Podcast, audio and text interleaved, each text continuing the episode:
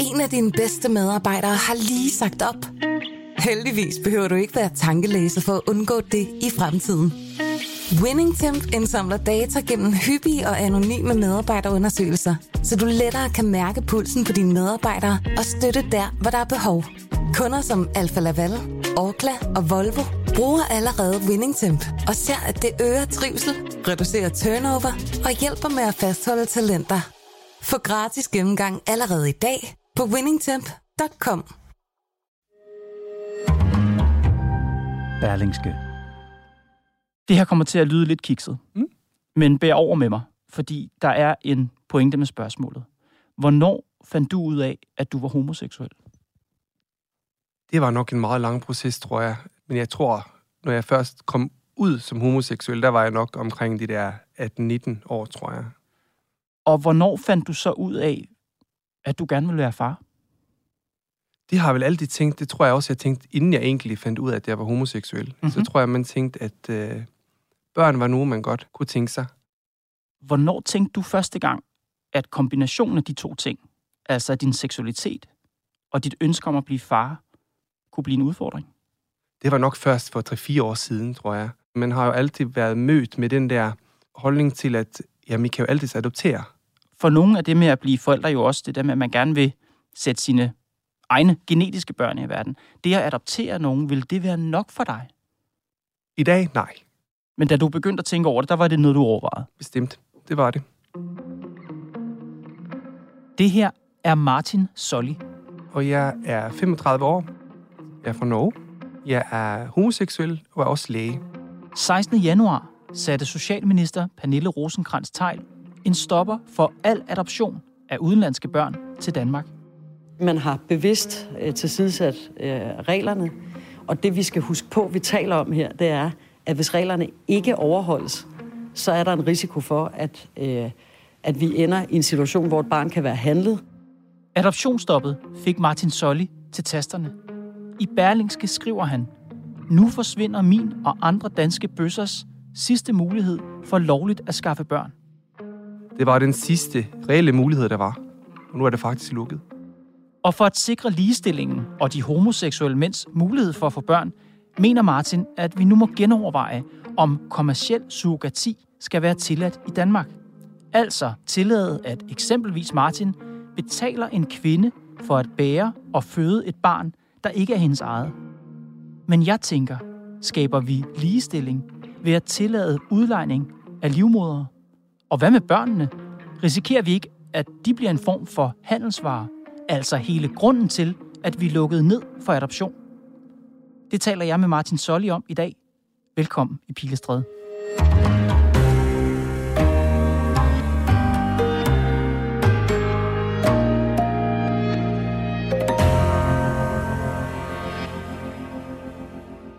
Fortæl mig om din mand.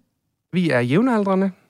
Han er fra Sverige, så han er heller ikke fra Danmark af. Men vi har jo begge to studeret her i Danmark, og har valgt at blive her og boet her i snart ja, 15 år faktisk. Hvordan mødte I hinanden? Vi mødte hinanden, vi læste sammen, medicinstudie. Så han arbejder også som læge. Hvornår begyndte I at tale om at få børn? Altså, du siger, at I har været sammen i 12-14 år. Hvornår kom det med børn på, på tale? Det har vi egentlig sådan talt lidt hen ad vejen om faktisk øh, flere gange. Også fordi jeg tror, at mit ønske om at få børn var nok lidt stærkere end min kærestes ønsker. Det var dig, der var motor? Jamen, jeg tror det. Jeg tror, det var mig, der på en måde havde, havde den der idé om, at det var sådan, det skulle være. Øh, men det er nok først 4-5 år siden, hvor vi begyndte at, at reelt tale om det, når vi kunne se, at alle vores venner også fik børn. I starten, da han ikke var på, sådan som du var, havde han nogle modargumenter, eller var han bare sådan ikke, det var ikke noget, han havde tænkt over, eller?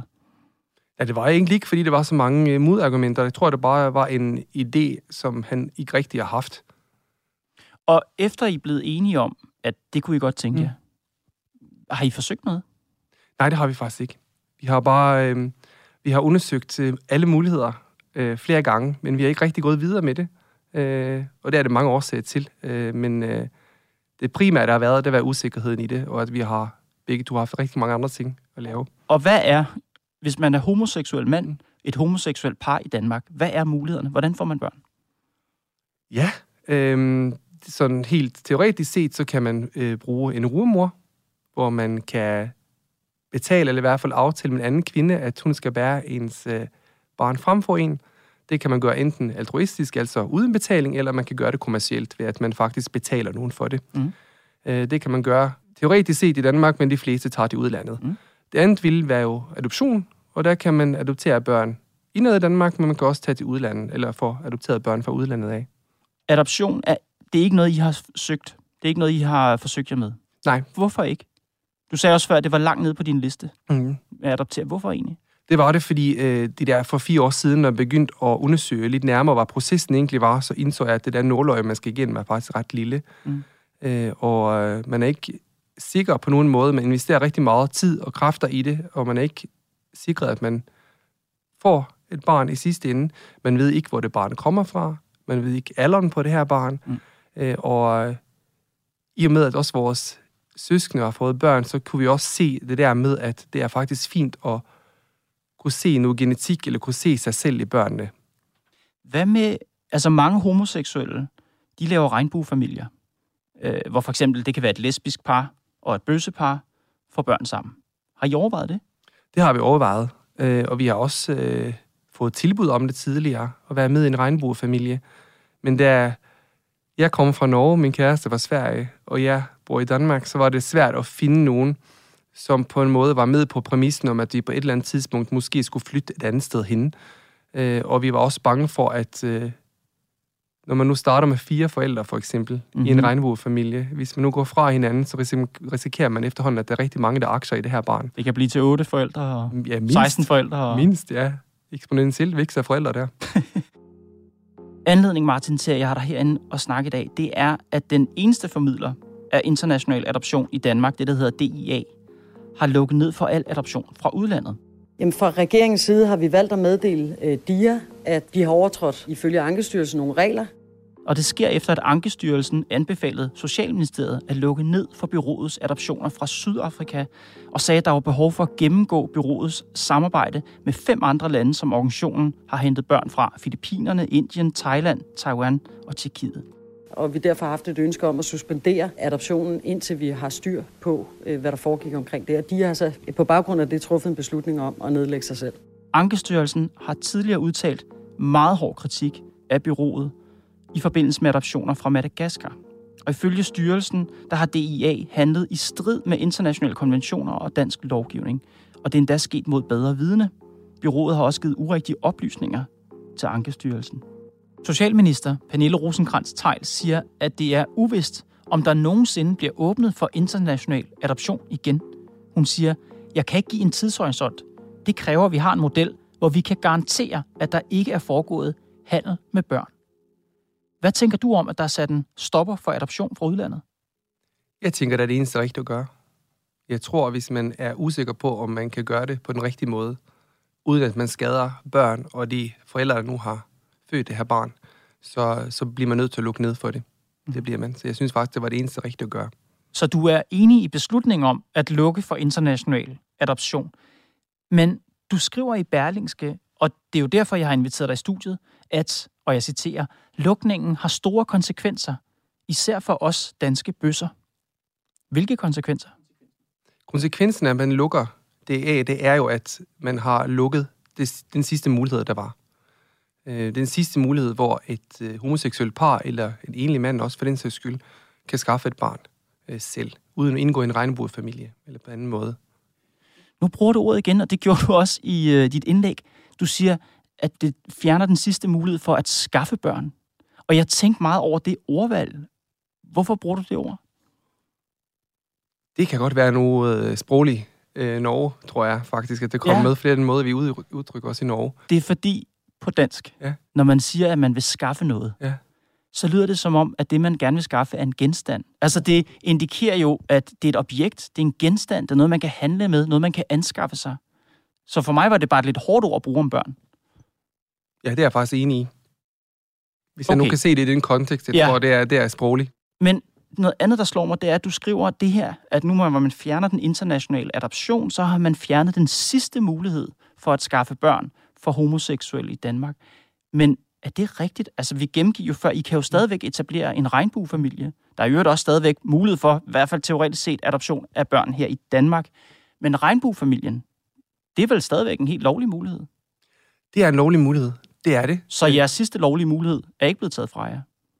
Nej, men hvis man skal sammenligne et, øh, et forældreskab med sådan et bøsseforældreskab med et almindeligt forældreskab med to forældre, så er faktisk ikke regnbuefamilien helt det samme, fordi mm. man kan fortsat ikke have fire juridisk øh, en juridiske forældre. Mm. Så sådan set er det ikke helt det samme. Det er det altså ikke. Man kan... Så hvis I for eksempel fandt et lesbisk par eller en, en kvinde og får børn sammen med i en familie, så vil det kun være dig eller din mand, der kunne være, altså være juridisk far for barnet. Helt korrekt, ja. I Danmark, der er kommersiel surrogasi ulovligt. Det er ulovligt at betale en kvinde for at være rugemor. Du mener, at adoptionsstoppet bør få os til at genoverveje at legalisere det. Hvorfor? Det synes jeg, fordi det er per i dag den eneste mulighed, man har internationalt, hvor man har nogle lover og regler, der regulerer det. Mm. Hvor mhm. man har nogle helt åbne, ordnede forhold, hvor man kan få de her børn. Så derfor mener jeg, at vi må overveje muligheden for det, fordi som det er i dag, så foregår det hele i det skjulte. Og det synes jeg heller ikke er godt. Men du skriver selv i indlægget, at surrogasi har altid været kontroversielt og rummer risiko for misbrug. Og så tænkte jeg, nu har vi fundet en anden ordning, som er kontroversiel og rummer ikke bare mulighed, men eksempler på misbrug, nemlig adoptionen. Det har vi valgt at lukke ned for. Hvorfor er det et argument, at man lukker ned for en dårlig ting, at man gør brug af en anden dårlig ting?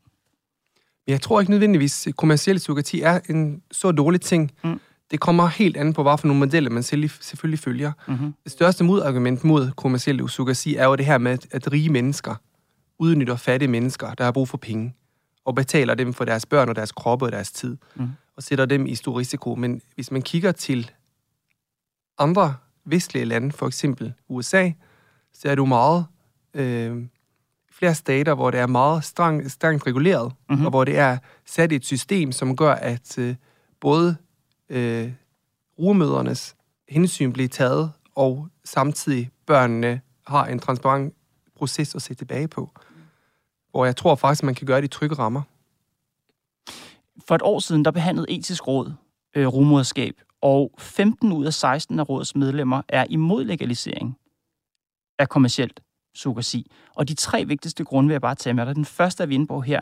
Etisk råd siger, at det rummer en risiko for, at kvinder bliver presset til at medvirke som surrogatmor af økonomisk nød. Det har været enormt vigtigt politisk i forbindelse med, at vi har skruet reglerne sammen, at man skiller det, der er den økonomiske interesse øh, fra barnets tag.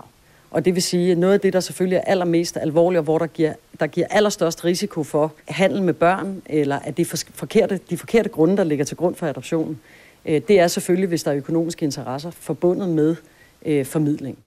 Så siger du, ja, men der er lande, for eksempel i USA, hvor man øh, har regler, der sikrer imod det, men det er vel stadigvæk grundlæggende en handel. Altså det er jo grundlæggende at sige til kvinden, vi vil gerne bruge din livmor, vi vil betale de her penge for det, og det er en kvinde, der af økonomiske hensyn stiller sin livmor til rådighed. Det er du vel enig i? Ja, det er jeg faktisk enig i. Og det synes du ikke er problematisk? Jo, men jeg tror, øh, de historier, jeg hører fra andre, der har været igennem, er jo, at det er jo ikke altid det økonomiske hensyn, der er i det, øh, som gør, at det er i hvert fald ikke det, der er en motiverende faktor. Mange af dem, der er rugemøder, er for eksempel lesbiske kvinder, der har født egne børn, og så tænker, jeg ved, hvor svært det har været, jeg vil gerne give den her gave videre. Øh, og så tænker de, jeg har haft nogle gode graviditeter, jeg kan være derhjemme, få penge for min tid, være sammen med mine egne børn, mm. samtidig som jeg hjælper nogle andre, som jeg ved har det rigtig svært. Så jeg tror ikke nødvendigvis, at alle, der går ind i det med det her med, nu skal jeg tjene en halv million på et år. Nej, men den, dit eksempel, altså jeg ved ikke, jeg har ikke statistik på det, men USA, som du selv kigger imod, som et sted, hvor du siger, her er det, her er det godt reguleret. Hvor mange af de øh, rumøder, der er i USA, er lesbiske kvinder, som du beskriver her? Hvor mange, altså, hvor mange er i den situation? Det har jeg faktisk ikke talt på. Øh, det jeg dog ved, er, at øh, processen i USA for at udvælge rummøder er ekstremt strengt reguleret. Det er, skal gøres trygt, det skal være med mindst mulig risiko, øh, og man skal økonomisk kompenseret for den tid, man, øh, man lægger i det. Så jeg tror, at hvis man skal kigge et eller andet sted hen, så er det det rigtige sted at kigge. Mm-hmm. Men kvinden gør det vel også af økonomiske årsager. Ellers kunne hun vel hjælpe øh, homoseksuelle mænd i, i netværket eller folk tæt på. Altså, hvorfor hjælpe et dansk homoseksuelt par, altså tværs over Atlanten, med at få sat et, øh, et embryo op, som ikke er hendes eget æg i øvrigt, øh, og så ligesom stille sin livmor til rådighed, og vupti, så kommer barnet ud, og det skipper vi afsted til Danmark. Altså, det gør hun vel også af en økonomisk årsag. Det gør hun jo. Vi skal jo alle sammen tjene penge på en eller anden måde. Så det er jo en, en job på en eller anden måde, hun ja. har valgt. Og det er jo det, som etisk råd siger, det er problematisk. Det er problematisk, hvis det bliver et job at stille sin livmor til rådighed. Synes du ikke det? Det synes jeg ikke, så længe øh, det er et, øh, et valg, man har gjort. Så synes jeg faktisk ikke, det er det.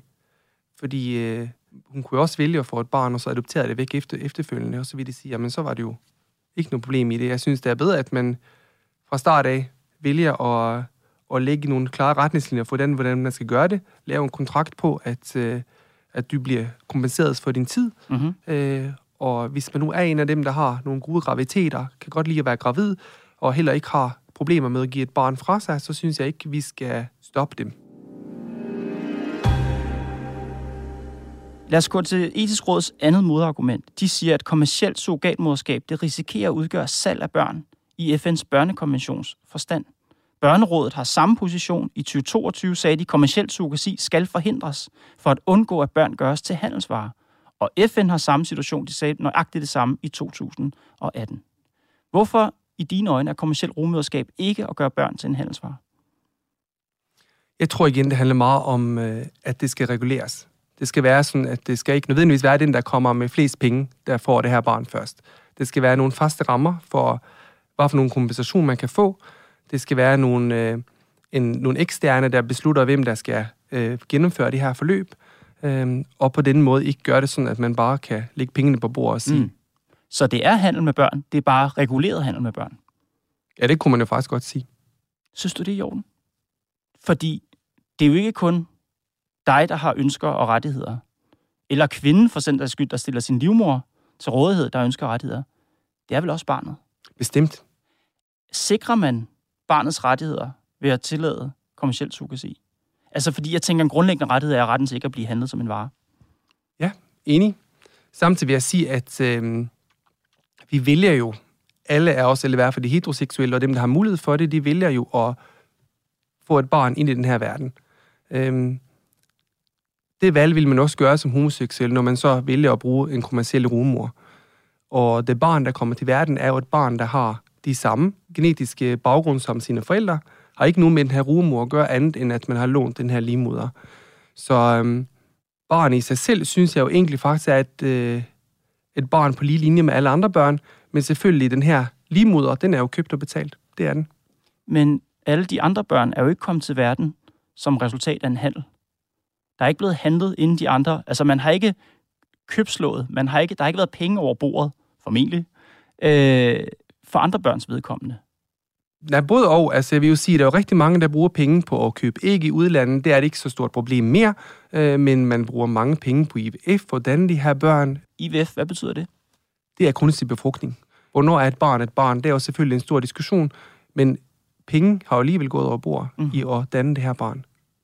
Etisk råds sidste hovedårsag til ikke at ville legitimere det i Danmark, det er, at hvis vi gør det, siger de, så risikerer det at fungere som en blåstempling af former for kommersielt surrogatmoderskab, som praktiseres under endnu mere problematiske forhold i for eksempel udviklingslande.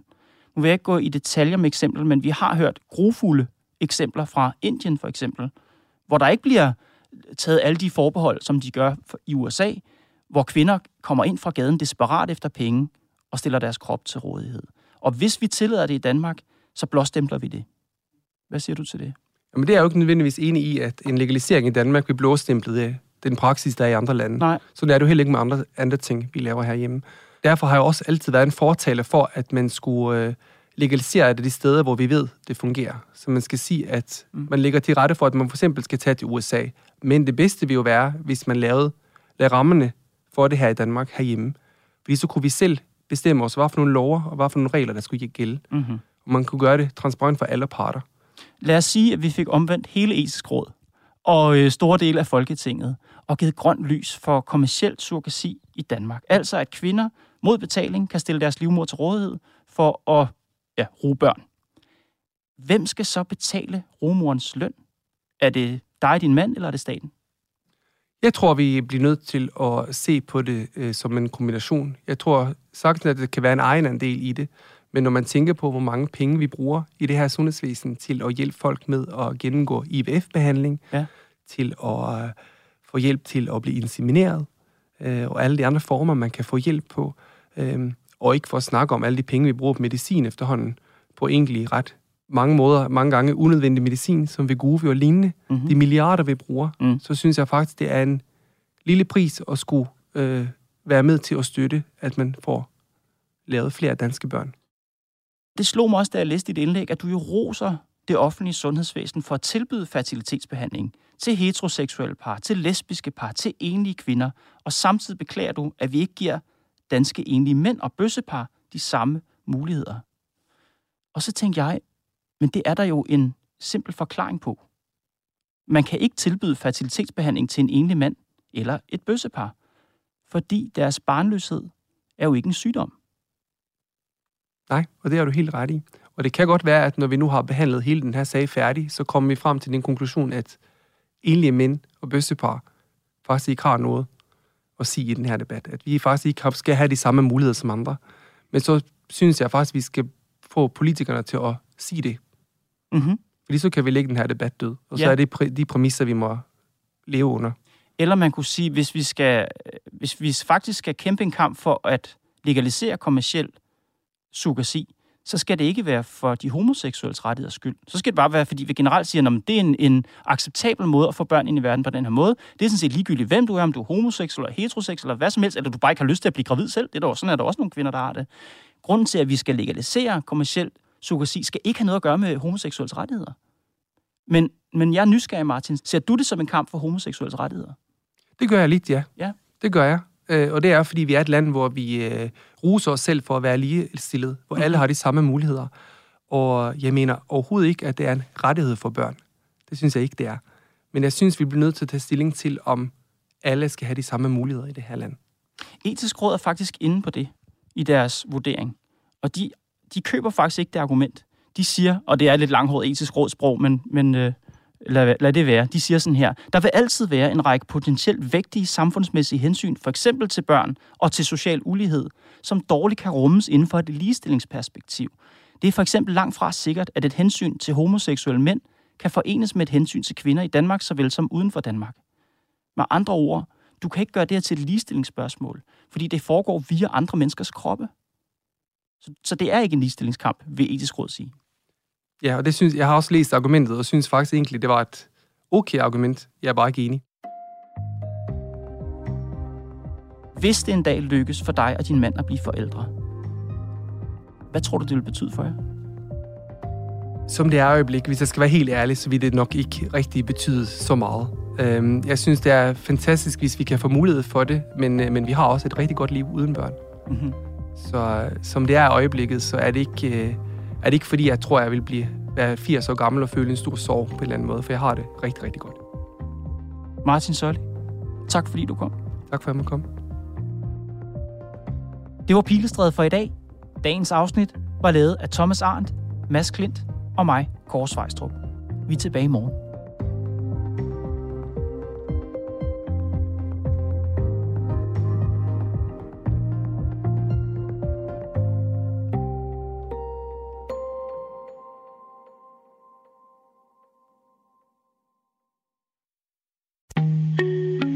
Dine bedste medarbejdere har lige sagt op. Heldigvis behøver du ikke være tankelæser for at undgå det i fremtiden.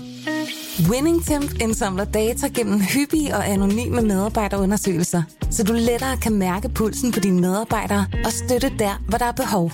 Kunder som Alfa Laval, Orkla og Volvo bruger allerede WinningTemp og ser, at det øger trivsel, reducerer turnover og hjælper med at fastholde talenter. Få gratis gennemgang allerede i dag på winningtemp.com.